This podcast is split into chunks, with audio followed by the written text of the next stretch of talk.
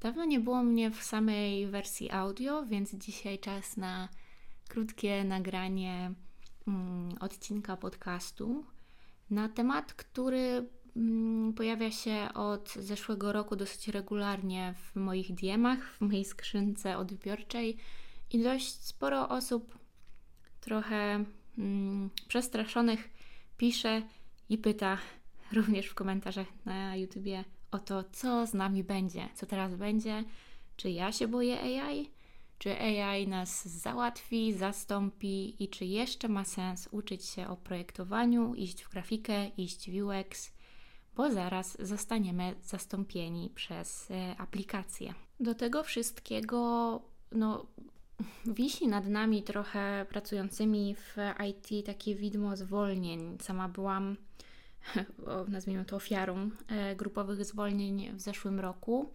mm, pracując za granicą. E, wiele osób, e, które znam i które cenię, również straciły pracę lub no, przygotowują się na to, że te prace mogą stracić, um, bo, bo firmy są międzynarodowe i reagują dosyć dynamicznie na to, co się dzieje na rynku. I bardzo często z jakiegoś powodu te grupowe zwolnienia, które mają miejsce od właściwie początku zeszłego roku, e, przypisywane są temu, że pojawiło się to AI, ten Mid Journey, DALI, e, ChatGPT i że e, to już jest na takim etapie, że to już po prostu sprawia, że wszyscy projektanci, projektantki są zwalniani, tracimy pracę, no i co dalej. Nie przypisywałabym pojawiającym się rozwiązaniom AI-owym, które teraz są dostępne, e, takich grupowych zwolnień. Przyczyna jest gdzieś indziej i całkiem fajnie opisują to Olga Andrzejewska i Adam Romański w nowym podcaście Web w Web. Polecam serdecznie. Pierwszy odcinek jest właśnie poświęcony tym zwolnieniom i przyczynom. No ale wracając do naszej przyszłości, bo nie ma co ukrywać rozwiązania, które mamy w tej chwili, które mają raptem rok, niecałe dwa lata, już robią ogromne wrażenie. I pewnym jest, że ten rynek pracy i sposób, w jaki pracujemy, się zmieni. Natomiast no, ja nie jestem w stanie, nie umiem wróżyć z fusów, e, z fusów e, i takie wróżenie z fusów generalnie nie idzie nam zbyt skutecznie, więc raczej nikt z taką pewnością nie powie teraz, że tak, wszystkie zawody kreatywne stracą pracę, bo zastąpi nas e, jakieś narzędzie. Mm, I tym AI straszy się w ogóle już od kilku dobrych lat, że różne zawody będą znikać.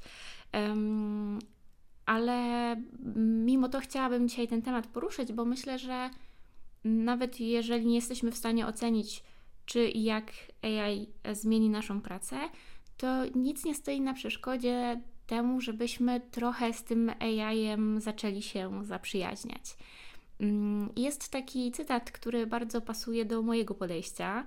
Mm, cytat autorki kursu, o którym gdzieś tam pod koniec też opowiem, a który robiłam. I cytat brzmi: AI won't replace designers, a designer using AI will, co tłumacząc tak na polski swobodnie, może brzmieć: AI nie zastąpi projektantów, zastąpią ich inni projektanci używający AI.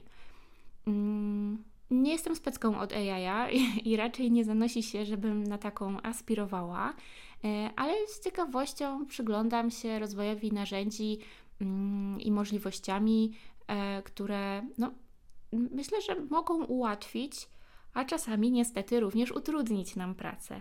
Dlatego ten materiał potraktujcie raczej jako spis różnych myśli i obserwacji jednej projektantki, e, który być może zainspiruje Was do dalszych poszukiwań. Kto wie, może stwierdzicie, że rozwój AI to działka, w której będziecie się specjalizować.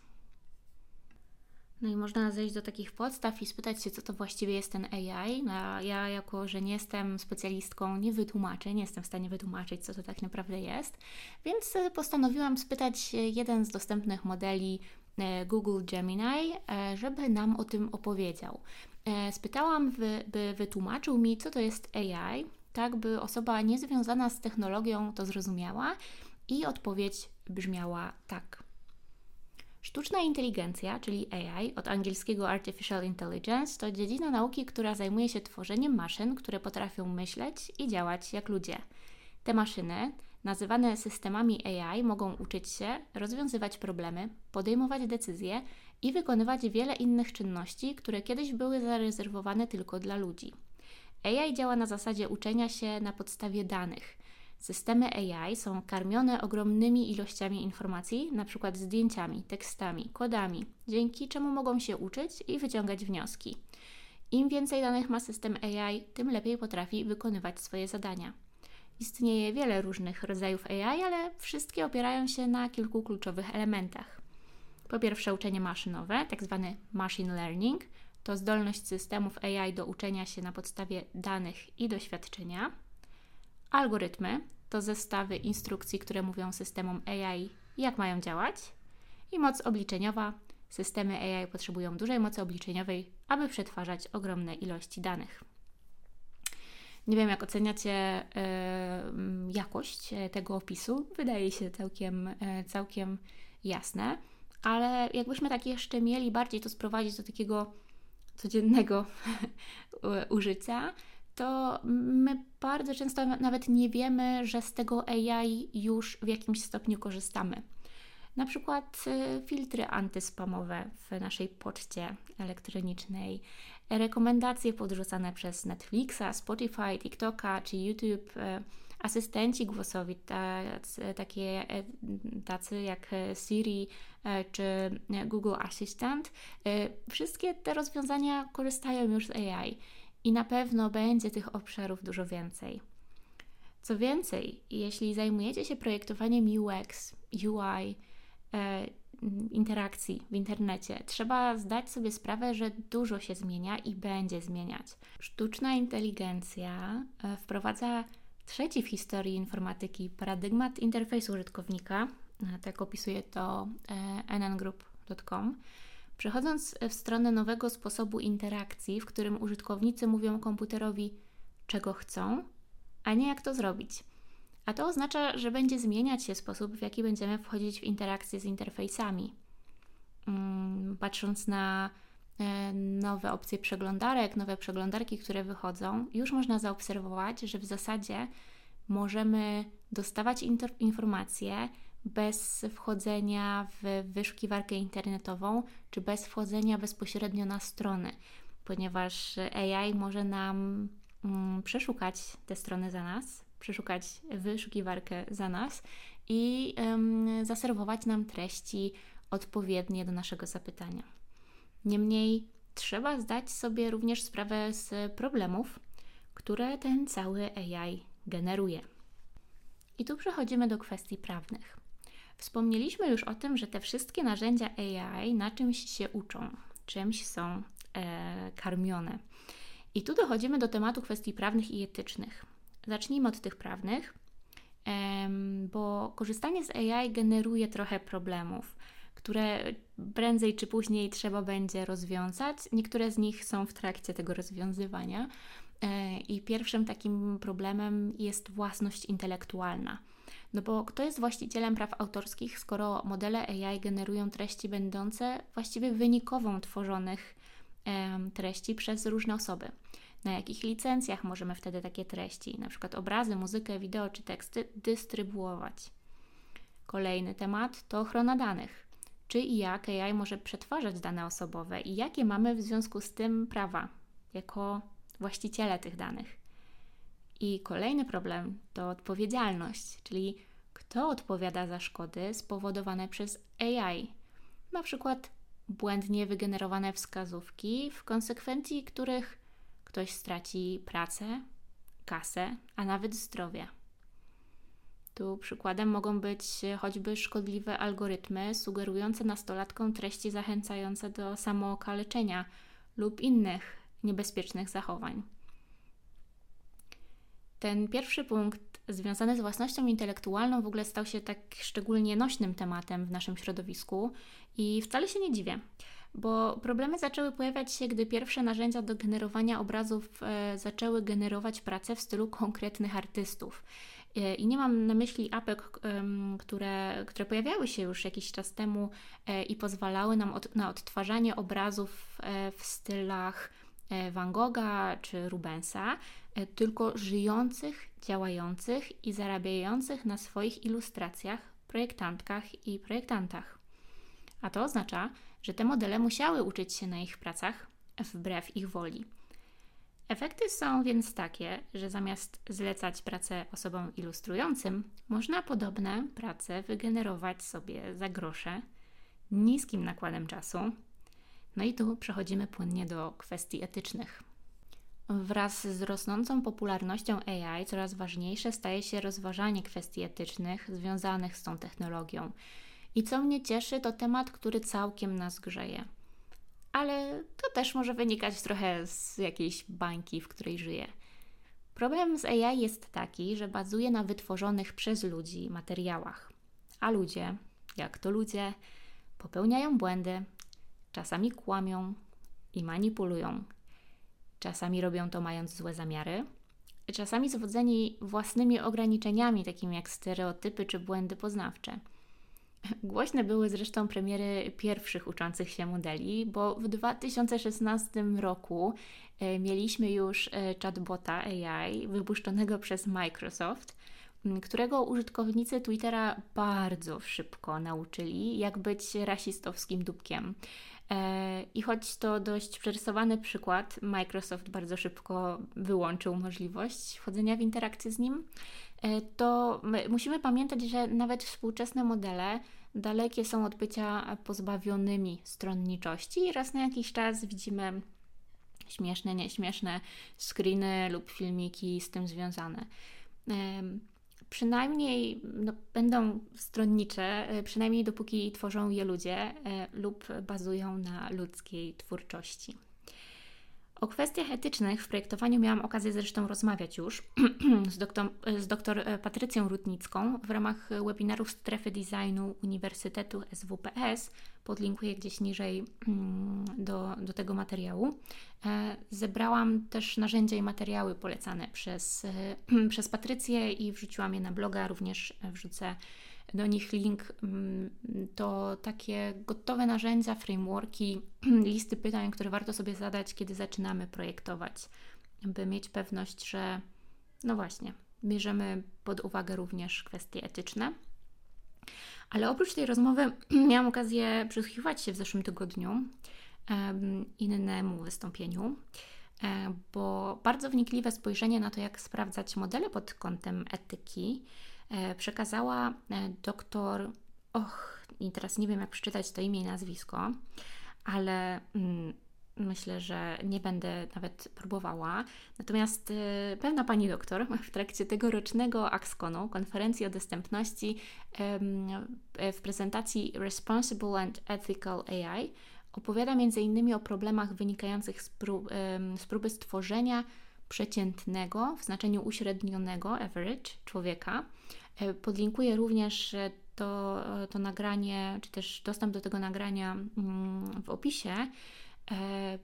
Na tej konferencji w ogóle było więcej wystąpień związanych z wykorzystaniem AI w kontekście dostępności, więc zachęcam do zarejestrowania się za darmo. Wtedy jest dostęp do wszystkich nagrań, również z poprzednich konferencji. No ale mówiłam o stronniczości, a jak mowa o stronniczości, to trzeba jeszcze wspomnieć o zmyślaniu.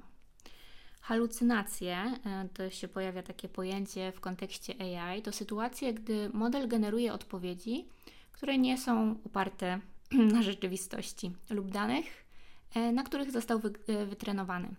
Te odpowiedzi mogą brzmieć bardzo przekonująco i logicznie, ale nie mają pokrycia w faktach. Skąd te halucynacje się biorą? No, przede wszystkim w źródle, czyli danych treningowych. Dane mogą być niekompletne, niedokładne lub stronnicze i odpowiedzi generowane przez AI będą po prostu te błędy odzwierciedlać. Błędy mogą wynikać również ze skali modelu. Im większy, tym trudniejsze budowanie zależności między danymi i po prostu z błędów e, w samych algorytmach.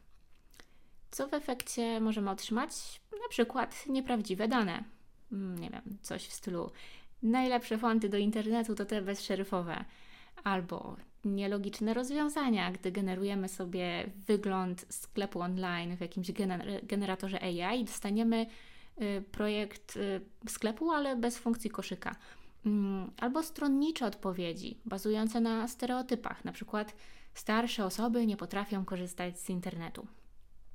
Trzeba po prostu pamiętać, że źródłem informacji dla modeli AI jest w dużej mierze internet, ze wszystkimi jego zaletami i wadami, a to oznacza, że w źródłach znajdziecie też sporo marketingowego bełkotu, nie mającego pokrycia w faktach, na przykład artykuły promujące konkretne usługi, narzędzia, e, czy mnóstwo mitów powielonych przez niedouczone w temacie osoby. A jak zaczęłam opowiadać w sumie o takich złych stronach AI, to może zacznę od tego, gdzie AI nie używam i dlaczego. Bo są takie miejsca, w których korzystanie z AI, między innymi ze względu na halucynacje, totalnie mi się nie sprawdziło. I taką pierwszą rzeczą, którą myślę, że mogę wrzucić tutaj, to to, że nie generuję person z AI. Próbowałam generować persony dla projektów, dla których tworzyłam persony na bazie badań i pozwoliło mi to porównać wyniki. No i wiecie co? Wyszło naprawdę bardzo słabo. Co więcej, próbowałam generować po prostu protopersony dla jednego z projektów, tu nie miałam jeszcze badań i niestety wychodziły bardzo generyczne. Testowałam też apki, które były po prostu nakładkami na chat GPT, ale mm, no, reklamowały się jako narzędzia do generowania person i tu podobnie bardzo generyczne i oczywiste problemy, które po prostu można usiąść i powpisywać z palca.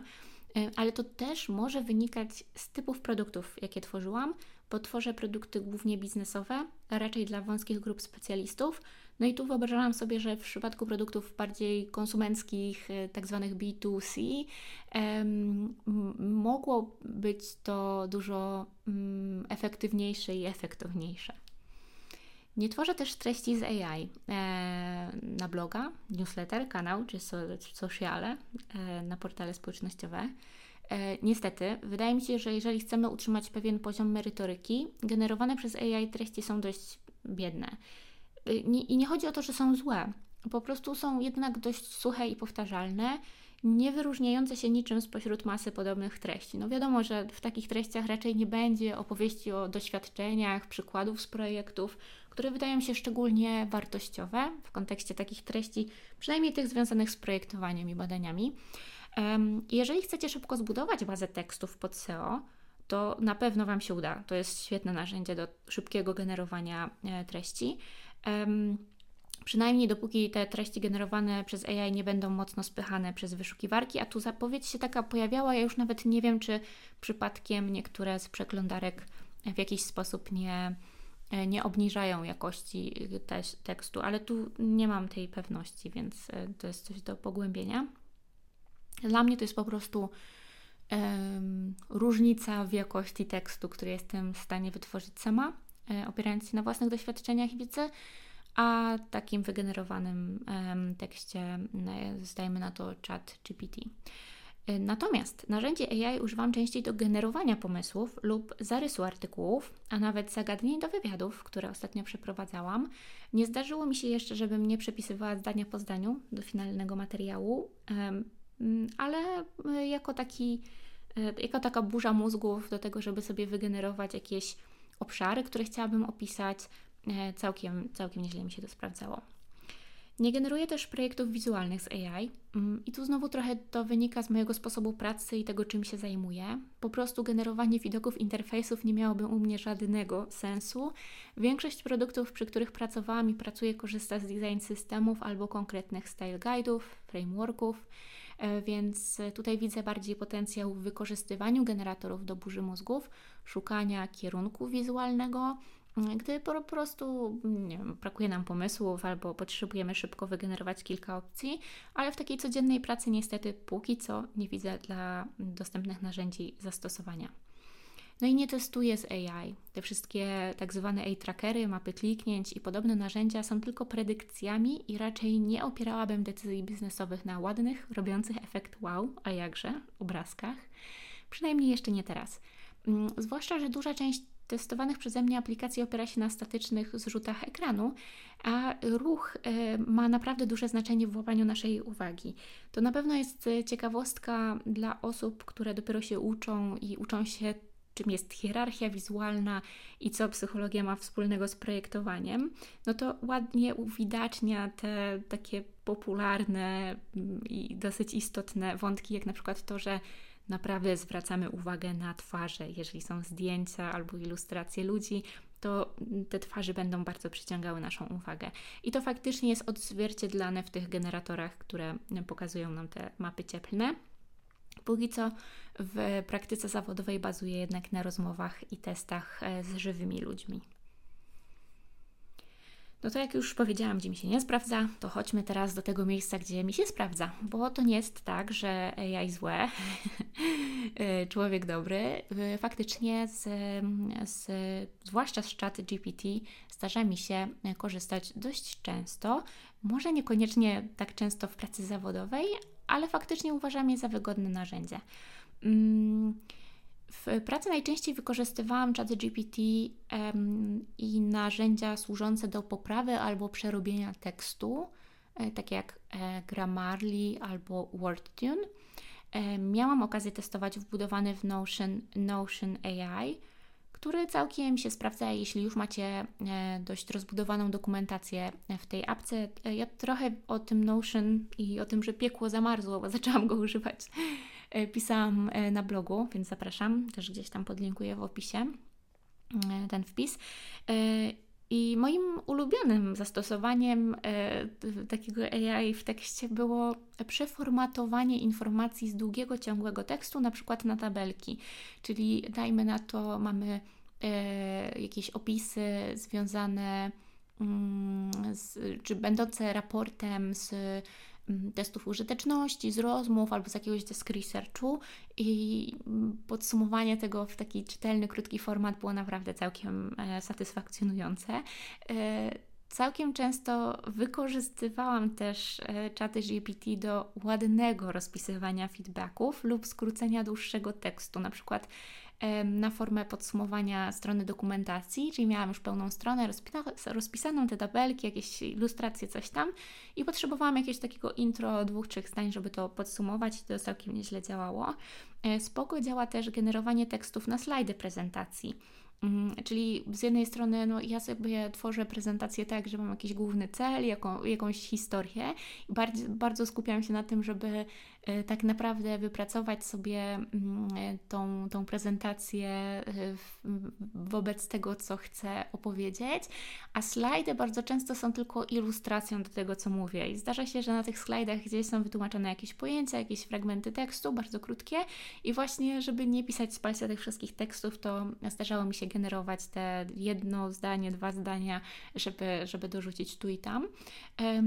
I całkiem nieźle te narzędzia do, do pracy z tekstem E, sprawdzały się do zmiany dziesiątek sticky notes, e, tych, wiecie, wirtualnych e, karteczek samoprzylepnych na format na przykład user stories, storyjek użytkowników, co normalnie zajęłoby mi długie godziny, a tutaj mogłam to zrobić generując z Miro, z Miro, z aplikacji Miro, czyli tej takiej wirtualnej tablicy, wygenerować, wygenerować wszystkie karteczki już pogrupowane przez Miro AI, bo Miro też ma wbudowanego takiego asystenta e, sztucznej inteligencji e, i to poprosić na przerobienie właśnie w chat GPT na taki format user stories. Um, to, to działało całkiem imponująco, bo e, potrafiło z kontekstu pododawać różne ciekawe rzeczy. Z, ze wspomnianego Miro i AI w Miro wbudowane przestałam korzystać, bo po prostu nie korzystam teraz e, z tej apki, ale e, całkiem nieźle działało samo grupowanie informacji, czyli mamy na przykład kilka godzin materiałów, spotkań, warsztatów, wywiadów, w efekcie czego gromadzimy właśnie bardzo dużo tych sticky notesów gdzieś tam na, e, na naszym tak zwanym boardzie, na tablicy. Bardzo często bywa tak, że one są też pisane w różnych stylach, bo kilka osób pisze jednocześnie po swojemu i mimo to Miro poradziło sobie świetnie z wyszukiwaniem wspólnych grup i nazywaniem ich, więc takie podsumowanie warsztatu też działało całkiem nieźle. Bawiłam się też trochę Mid Journey, e, przynajmniej dopóki nie straciłam dostępu do swojego opłaconego konta na Discordzie, e, niestety, e, ale znowu, były to raczej zabawy niż poważna praca projektowa. Zdarzało mi się wygenerować kilka obrazków pod slajdy w prezentacji, nawet do portfolio. Potrzebowałam jakichś zdjęć z restauracji do tła, żeby sobie wkleić mm, i kilka ilustracji do instagramowych rolek ale poza tym nie znajduję w nim większego zastosowania. Znowu to wynika bardzo z tego, jakie typy produktów e, projektuję i nad czym pracuję. Z narzędzi generujących obrazy dużo bardziej skorzystają osoby, które regularnie korzystały na przykład z baz zdjęć i ilustracji, tak zwanych stoków, lub chcą sobie usprawnić pracę w obrębie fotomontażu i edycji zdjęć i grafik. Tu świetnie sprawdzają się podobno wbudowane w Photoshopa narzędzia. Ja już dawno z Adobe'ego nie korzystałam, te nowe zmiany w Photoshopie podobno są rewelacyjne, więc e, jeżeli gdzieś tam macie dostępy, to, to myślę, że warto przetestować. Jest oczywiście dużo więcej narzędzi. E, mamy w tej chwili kilka typów e, narzędzi, które można użyć w procesie pracy. Na blogu podrzuciłam listę kilku z nich. Nie, nie ze wszystkich korzystałam i też nie planuję nawet ze wszystkich korzystać, ale myślę, że to jest taka dobra okazja, żeby po prostu zobaczyć, jakie są możliwości. Tam są m.in. generatory makiet, prototypów czy finalnego UI, e, więc, więc udało mi się zebrać mm, tego trochę. No i tak, i myślę, że, że, że powoli będę kończyć to nagranie. Mam wrażenie dość chaotyczne, e, ale nie wiem, czy też jest e, takie wasze, taki wasz odbiór. Dawno nie nagrywałam tego formatu. Mm, no bo trzeba zadać sobie pytanie właśnie, co dalej? E, bo wydaje mi się, że jeżeli chcemy być na bieżąco w projektowaniu, szczególnie w przypadku nowych technologii, takich jak AI czy inne, które e, się pojawiają, no to kluczowe jest takie ciągłe uczenie się. Mm, natomiast w wielu przypadkach taka sucha wiedza, teoretyczna wiedza e, za bardzo nam nie pomoże i najlepiej jest próbować wciągać te technologie do codziennej pracy. Nawet jeżeli nie pracy zawodowej, to właśnie szukać przestrzeni do tego, żeby generować sobie coś e, poza pracą. Nie wiem, może prowadzicie bloga, macie te swoje TikToki, Instagramy, e, gdzieś tam przynajmniej część tych rzeczy można spróbować zacząć sobie wykorzystywać e, do, do tworzenia reklam czy mm, wpisów rolek karuzeli. Ale zastanówcie się, jak możecie włączyć sztuczną inteligencję do swojej pracy i jak może wspierać i przede wszystkim przyspieszać mm, proces pracy. Jako projektanci jesteśmy oczywiście rzecznikami naszych użytkowników, dlatego w tej nowej erze AI e, pamiętajcie o tym, żeby korzystać ze sztucznej inteligencji przede wszystkim w sposób etyczny. Problem z szybko rozwijającymi się obszarami jest taki, że materiały edukacyjne będą się dezaktualizować dość szybko, więc na dziś, co mogę Wam polecić od siebie, to kilka źródeł. E, myślę, że można zacząć w ogóle od um, artykułu, o którym gdzieś tam napomknęłam na początku e, z Nielsen Norman Group o um, tym e, nowym paradygmacie UI, gdzie w dość krótkim artykule opisuje się, jak czym były w ogóle te e, e, przednie paradyg paradygmaty, trudne słowo. Bardzo ciekawe treści wokół AI tworzy Grzesie Kruk i Adam Gospodarczyk, którzy oprócz publikacji na różnych platformach społecznościowych, gdzie dostęp jest za darmo, tworzą też treści o automatyzacji i AI na platformie EduWeb i zautomatyzowani.pl, Będę miała niedługo okazję testować nowe treści od EduWeba, więc na blogu powinien pojawić się materiał recenzja. Tymczasem to, co mogę na pewno polecić od chłopaków, to e-book, który czytałam jakiś czas temu e, o tytule Codzienność z GPT-4, e, który obszernie tłumaczy, jak pracować z tym modelem. Mm, jeżeli chodzi o materiały po angielsku, to tu raczej zerkam na Twittera, x.com, E, więc trafiają do mnie raczej takie wyrywkowe artykuły. A z takiej bardziej zorganizowanej wiedzy mogę polecić Wam kurs na platformie Interaction Design Foundation AI for Designers. I tam już macie omówione dokładne narzędzia do wykorzystania w poszczególnych etapach procesu projektowego. Ja go przerabiałam, kilka osób z mojego polecenia go przerabiało i też miały pozytywne wrażenia, więc z czystym sumieniem go polecam. I na razie to tyle. Raczej nie płaciłabym teraz za szkoły, które reklamują się jako kursy dla UX, UI, AI designerów, bo uważam, że to zwykły skok na kasę i jeżeli chcecie się faktycznie rozwijać w tym obszarze, szukałabym specjalistów i specjalistek z obszaru AI, którzy mogą przekazać coś więcej niż tylko kilka narzędzi, które sami możecie znaleźć i ogarnąć. Na pewno można zacząć po prostu od darmowych artykułów, filmików i testowania darmowych wersji narzędzi. Tymczasem żegnam się z Wami. Mam nadzieję, że chociaż trochę zachęciłam Was do tego, żeby zerknąć w stronę AI i zobaczyć, jakie daje możliwości, ale też mieć świadomość tego, jakie niesie ze sobą zagrożenia. Trzymajcie się, do zobaczenia w następnym materiale, do usłyszenia w następnym materiale. Cześć!